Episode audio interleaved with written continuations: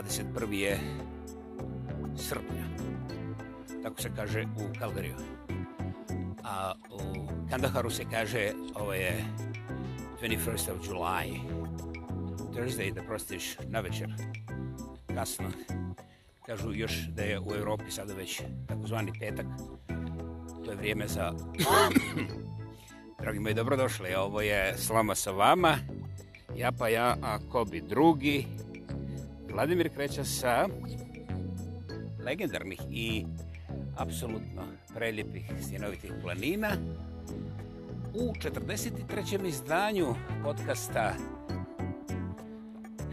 druge sezone Slama sa vama samoproglašeni lingvistički aktivista monumentalno autentični da ponovimo, nije zgorega ja pa ja, ako bi drugi Vladimir kreća jest, i to ponavljamo sa stinovitih, prelijepih i legendarnih planina.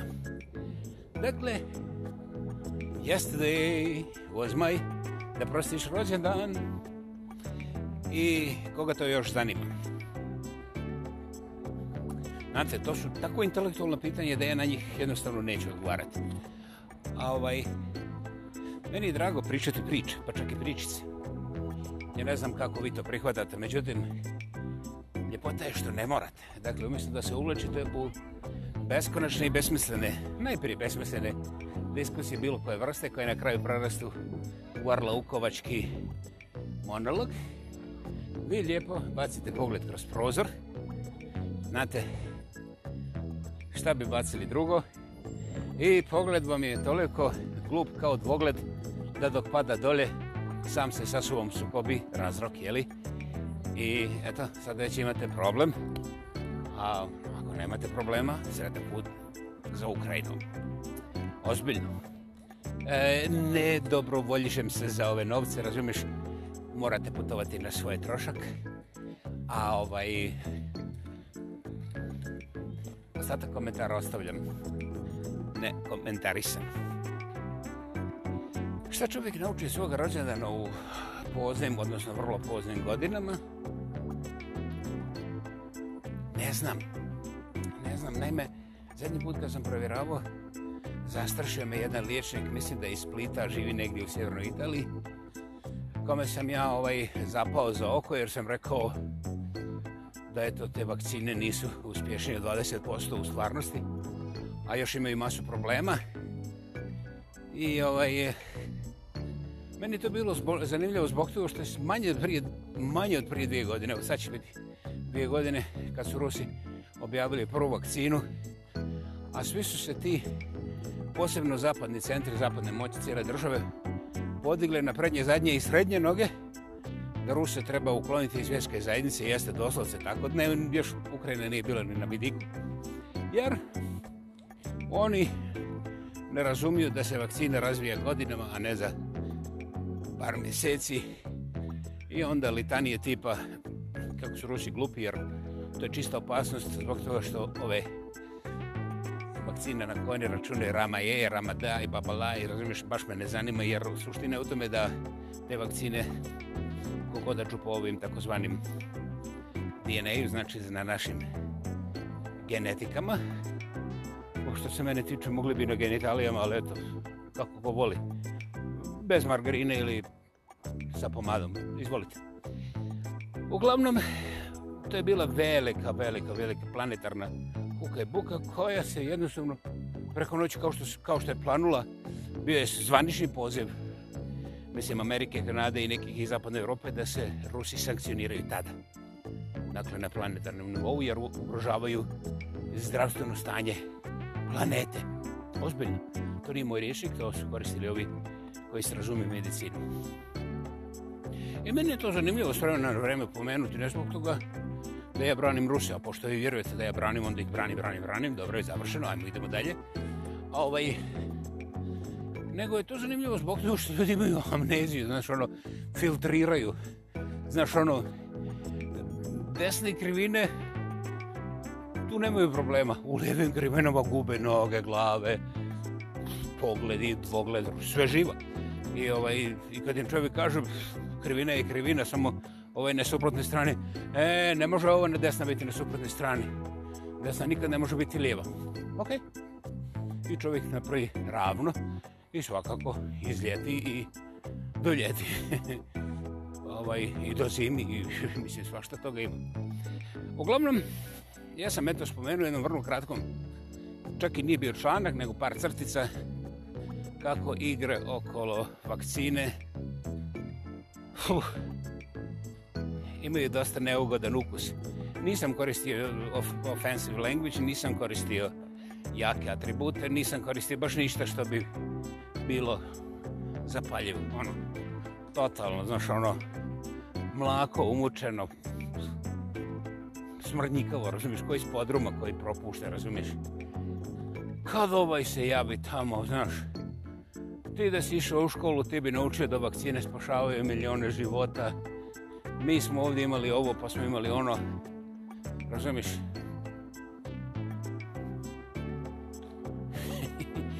ja pitam sebe, zašto ja to čitam? Mislim, šta je meni? A onda mi čovac još između ostalo kaže, te teorije, zavire, koje su toliko zatucene, ja čak ne želim komentirati, jer ja kao medicinski riječnik znam puno bolje od vas. Ok, slažem se. I onda ja to tako pustim malo izvodu da teče i onda se pojavi jedan članak od jedne ugledne gospođe ovde u Kravogradu i to je članak koji se bavi istraživanjem tih e, predviđenih posljedica recimo genetskih aktivnosti uzrokovanih specifičnim tehničkim rješenjima ovih najpopularnijih vakcina. Dakle, ovo može zvučiti kako hoće. Međutim, ja sam samo ponovio ono što piše, ja to nisam istraživao, ali ovi ljudi koji to objavljuju, znaš, ovaj, oni vjerovatno imaju, znaš, ono zbog tih razraznih osiguranja i uvređenih entiteta koji mogu da izvuku milijone dolara jer budu uvređeni, onda oni moraju imati konsultante koji su verificirani, koji će izaći na sudu i reći da, mi smo to pročitali i mi smatramo u, u razini naše certifikacije da je to validan javni dokument. Znači, oni ne kažu, slušaj, EMC na kvadrat je 100% tako i nikako drugšije, nego oni kažu, na našem fakultetu nuklearne fizike EMC na kvadrat je još uvijek priznat i možete dobiti certifikaciju ako se prijavite. Međutim, ako ste vi pametni, izmislite nešto novo i, Bože moj, vi ne samo da ćete biti certificirani, nego ćete dobiti Nobelovu nagradu. Eto, u toj razini se znači nalazi. I onda ja kao običan, nestručan entitet u svom tome, prenesem tu priču, ne priču, nego članak iz stručnih novina, gdje piše jasno da ovaj, to područje genetskih interakcija sa ovim najpopularnim vakcinama je zapravo još uvijek daleko izvan kontrole svih znanstvenih centara na ovoj planeti, u smislu da ima puno toga što je nedorečeno, nekompletno i jednostavno nije poznato, nije u dometu ovoga sadašnjeg tehnološkog i znanstvenog momenta, ne samo medicine, nego svega što je u tome lancu proizvodnje vakcine. I ovo, ovaj, meni to zvuči razumno. Meni to zvuči razumno. Znači, još uvijek nismo izmislili idealan perpetuum mobile, još uvijek, mobile, još uvijek treba ovoga nekakvog, razumiješ, šta je znam, čumura ili nečega. Uglavnom, meni se čini normalna situacija u kojoj ljudi govore hej, mi nismo zaustavili vakcinu, mi ne kažemo da je otrovna, ali mi kažemo da apsolutno povjerenje vakcini u ovom momentu nema naučnu osnovu. To ne znači da je vakcina ovakva ili onakva. To jednostavno znači da istraživanje nije završeno, da je otvoreno, i samim tim to je poruka da je cijela stvar puno kompleksnija nego što su i najveći mozgovi mogli da recimo kažu barem javnosti. I sad ovaj mene napada, ti svakdje vidiš kako ovim pravi novac, kako ja pravim iz toga novac kad je kod nas došla curica koja je paralizirana i tako dalje. Čitam i pitam sebe zašto nisam otišao na psihijatriju, mislim, šta ja to imam čitati? Doktor mi govori o jednoj nesrotnoj curici koja je paralizirana. Ja bi u zagradi trebao pretpostaviti, vjerovatno zato što nije bila vakcinisana, jer da je bila vakcinisana, znaš, znaš, ko kome vjeruje? Nema, to nema nikako veze sa vjerovanjem. A, ja sam lično vidio čovjeka koji je nakon vakcine zauvijek blokiran po polovici tijela. Znači, nisam ih vidio stotinu ili hiljadu, ne do Bog, ali vidio sam jednog. To je vakcinisani čovjek. I ovi ga više od godinu dana ubjeđuju da to ne veze sa vakcinom, dok naj za to nisu priznali, čak i osiguravajuće zavod je priznalo, osiguravajuće društvo ovdje, ovdje je priznalo i isplatilo mu neke ozbiljne novce koji su njemu nužni, jer čovjek ne može da se kreće na svoje noge, sad mu trebaju kolica, pri kolica do kolica i onda tetka koja će ga vojiti u Čanifu da izvrši ove stvari koje treba izvršiti. Mislim, jedan uništen život s tim što je osiguravić je zavod pristao da mu isplati na temelju onoga što se ovdje zove dobra volja. Naime, sve ukazuje da bi to moglo biti, ali oni nemaju stoprocentni dokaz. Dakle, oni su njemu dali novce, ali postoji klauzula ukoliko se dokaže, ono tvrdo se dokaže da to njegovo stanje nema nikakve veze sa posljedicom vakcine, onda će on morati da vrati novac, naravno plus interes. Ali za mene je ljudski što su mu dali novac, jer u toj situaciji mu nužno treba. Međutim, ono što je suština, nije da li sam ja medicinar ili nisam medicinar. Suština je da najrazličitiji profesionalni entitete, znači institucije, organizacije, pojedinci, koji bilo šta znaju, oni nikada ne tvrde apsolutno. Game over. Moj doktor, ovaj spličo koji živi gore negdje u Italiji, on sve tvrdi apsolutno i ne propušta priliku da na svakoj prosto proširnoj rečenici meni dokaže da sam ja doduk. Znaš, ono, ne da ja nisam obavješten, nego dodučke. Kad ćeš jednom kleknuti pred mojim visočanstvom doktorskom diplomom, razumiješ, mislim. Ovaj, čak sam pomislio da mu to i učinim,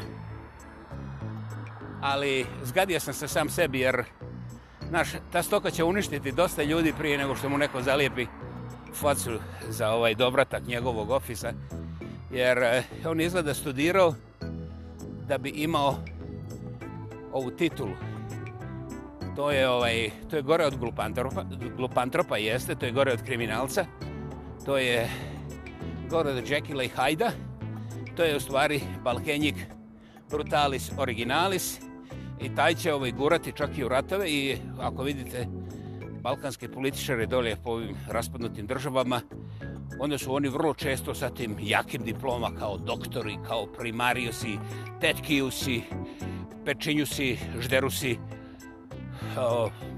lokađijevi i šta je znam, mislim, to je ono šut, to, to, to običan čovjek ne može ni da počne misliti, a kamoli da shvati. I ovaj, taj meni doktor, znači u tom zadnjem napisu, objasni još ponovo kako je on doktor. Tužno, tužno. Ja da imam njegovu diplomu, ovo, ja bi se potrudio da dobijem radno mjesto i ček na visini te diplome. I boga mi ne bi trčao za nekim majmunima tamo na kraju planete da im objasnim da imam diplom. Mislim, vrlo zanimljiv slučaj. Ima ovi sa diplomom psihijatrije koji bi se mogli pozabaviti s njim a ovaj, da izađe kojim slučajem u neku civiliziranu zemlju, ali eto, nećemo oko toga. A ovaj, uglavnom, doktori, doktori, ne možeš preko toga, ali ono što je posebno razočarano razo, razočaravajuće za mene. Da skratim je to što taj gospon vergla kako je doktor, vergla nekakve brojke i statistike koje ne idu njemu u prilog preskače, odnosno nije upoznat da to postoji. Ovaj, vrlo je loš pregovarač jer ostavlja puno toga nepokriveno na ono najbrutalnijim mjestima gdje čak ispod prosječan um ne može da mimo iđe cijeloga slona promašenih i nedovoljnih ili manipuliranih informacija. Ono što je posebno tužno, doktor smatra da sam ja pripadnik neke organizacije koja želi da zaustavi vakcinu i onda sa tim normalno prosperitet cijelog čovečanstva jer ovaki kao ja, po tome doktoru, su zlo koje ubija nevine ljude diljem svijeta i tako dalje i tako dalje. Mislim, ima toga, znaš, enciklopedije. I evo ovaj, je... Ja sam onda morao da mu napišem rešicu, jele, ovo ovaj, je, kad si ti tako dobar i niko ne pravi pare, ti se jedan... On radi 36 sati dnevno i to je napisao čovječ, ludnica. On ulaže svoj život, a ja se zajebavam, pazi kako je to. I kad je sve to napisao, ja kažem, dobro, Vi to što radite za nula novaca, 36 sati dnevno, dežure, izlačite curice pod ovim raznoraznim injekcijama da spasite život jer je već totalno oduzete. Šta je znam, mislim, to čudo živo šta se u bolnici dešava. Ja sam inače mislio da su u bolnici samo pleše i večera, ali eto, sad znam da su u bolnici dešavaju vrlo ružne stvari. Zahvaljujući ovakvima kao mi, to jest ja, jer ja podmećem nekakve informacije o vakcinama. I šta je znam, i napadam, i nisam obrazovan. I onda kaže mrtvo hladno, takvi nas povlače dole. Ja kažem, doktore, prepoznali ste, vidi se da ste doktor, nego, znate šta, kada mi povlačimo dole, šta ste vi ono učinili za cijelu Južnu Ameriku i Afriku, recimo samo dva kontinenta, nećemo dalje. Mislim, pošto nije stvar u parama, koliko je vakcina otišao dole? Kome su date? Je li vam poznato, mislim i tako dalje? A, um, uopće nije interesantno, dosadno je i predvidivo. Doktor naravno to nije vidio jer je to pisano nekim vjerovatno hieroglifima koje je on do, na doktorskoj razini ne može da gleda, razumiješ, jer to je primitivno. Eto, meni drago što me takav doktor neće dotaknuti jer je na drugom kontinentu. Stvarno mi drago je. A ovaj... Nije mi drago što se me guzio kao budala da ovako moram da mu kažem par riječi. Ali to je sve sporedno u odnosu na ono što bi vi mogli da zaključite. Naime, kod nas ako je neko doktor, on je važniji od Boga i vjerovatno je od Boga i pametniji. Znate, Doktori su alatke u rukama korporacija i uopće me ne zanima u kojoj državi, jer to više ne postoji. Postoji samo farmakologija, koja je jedan stravičan instrument za pranje novca. Ja ne kažem da je a, farmakologija kriminalna u svemu i da, i da farmakologija laže okolo. Znate, a, ehm, to je nekako... A, nepotrebno dramatično. Eto. Ono što ja govorim, ja govorim o tim glavnim alatima. Drugim riječima, to je isto kao da kažem da su glavni alati za gradski prijevoz, uglavnom u autobusi, trolejbusi i metroji, znaš. Premda vjerovatno ovih automobila ima više po broju nego autobusa i tako dalje. Otprilike negdje tako, shvatite tu jer eh, ja vrlo dobro znam da je farmakologija učinila puno apsolutno fantastičnih stvari. Dakle, ja ne otpisujem farmakologiju kao nekakvu kriminalnu organizaciju koja je poklopila u planetu. Ovaj, još, još nismo došli u to stanje. Ali, ja kažem ko je vlasnik alata, a to je farmakologija. Liječnici se trude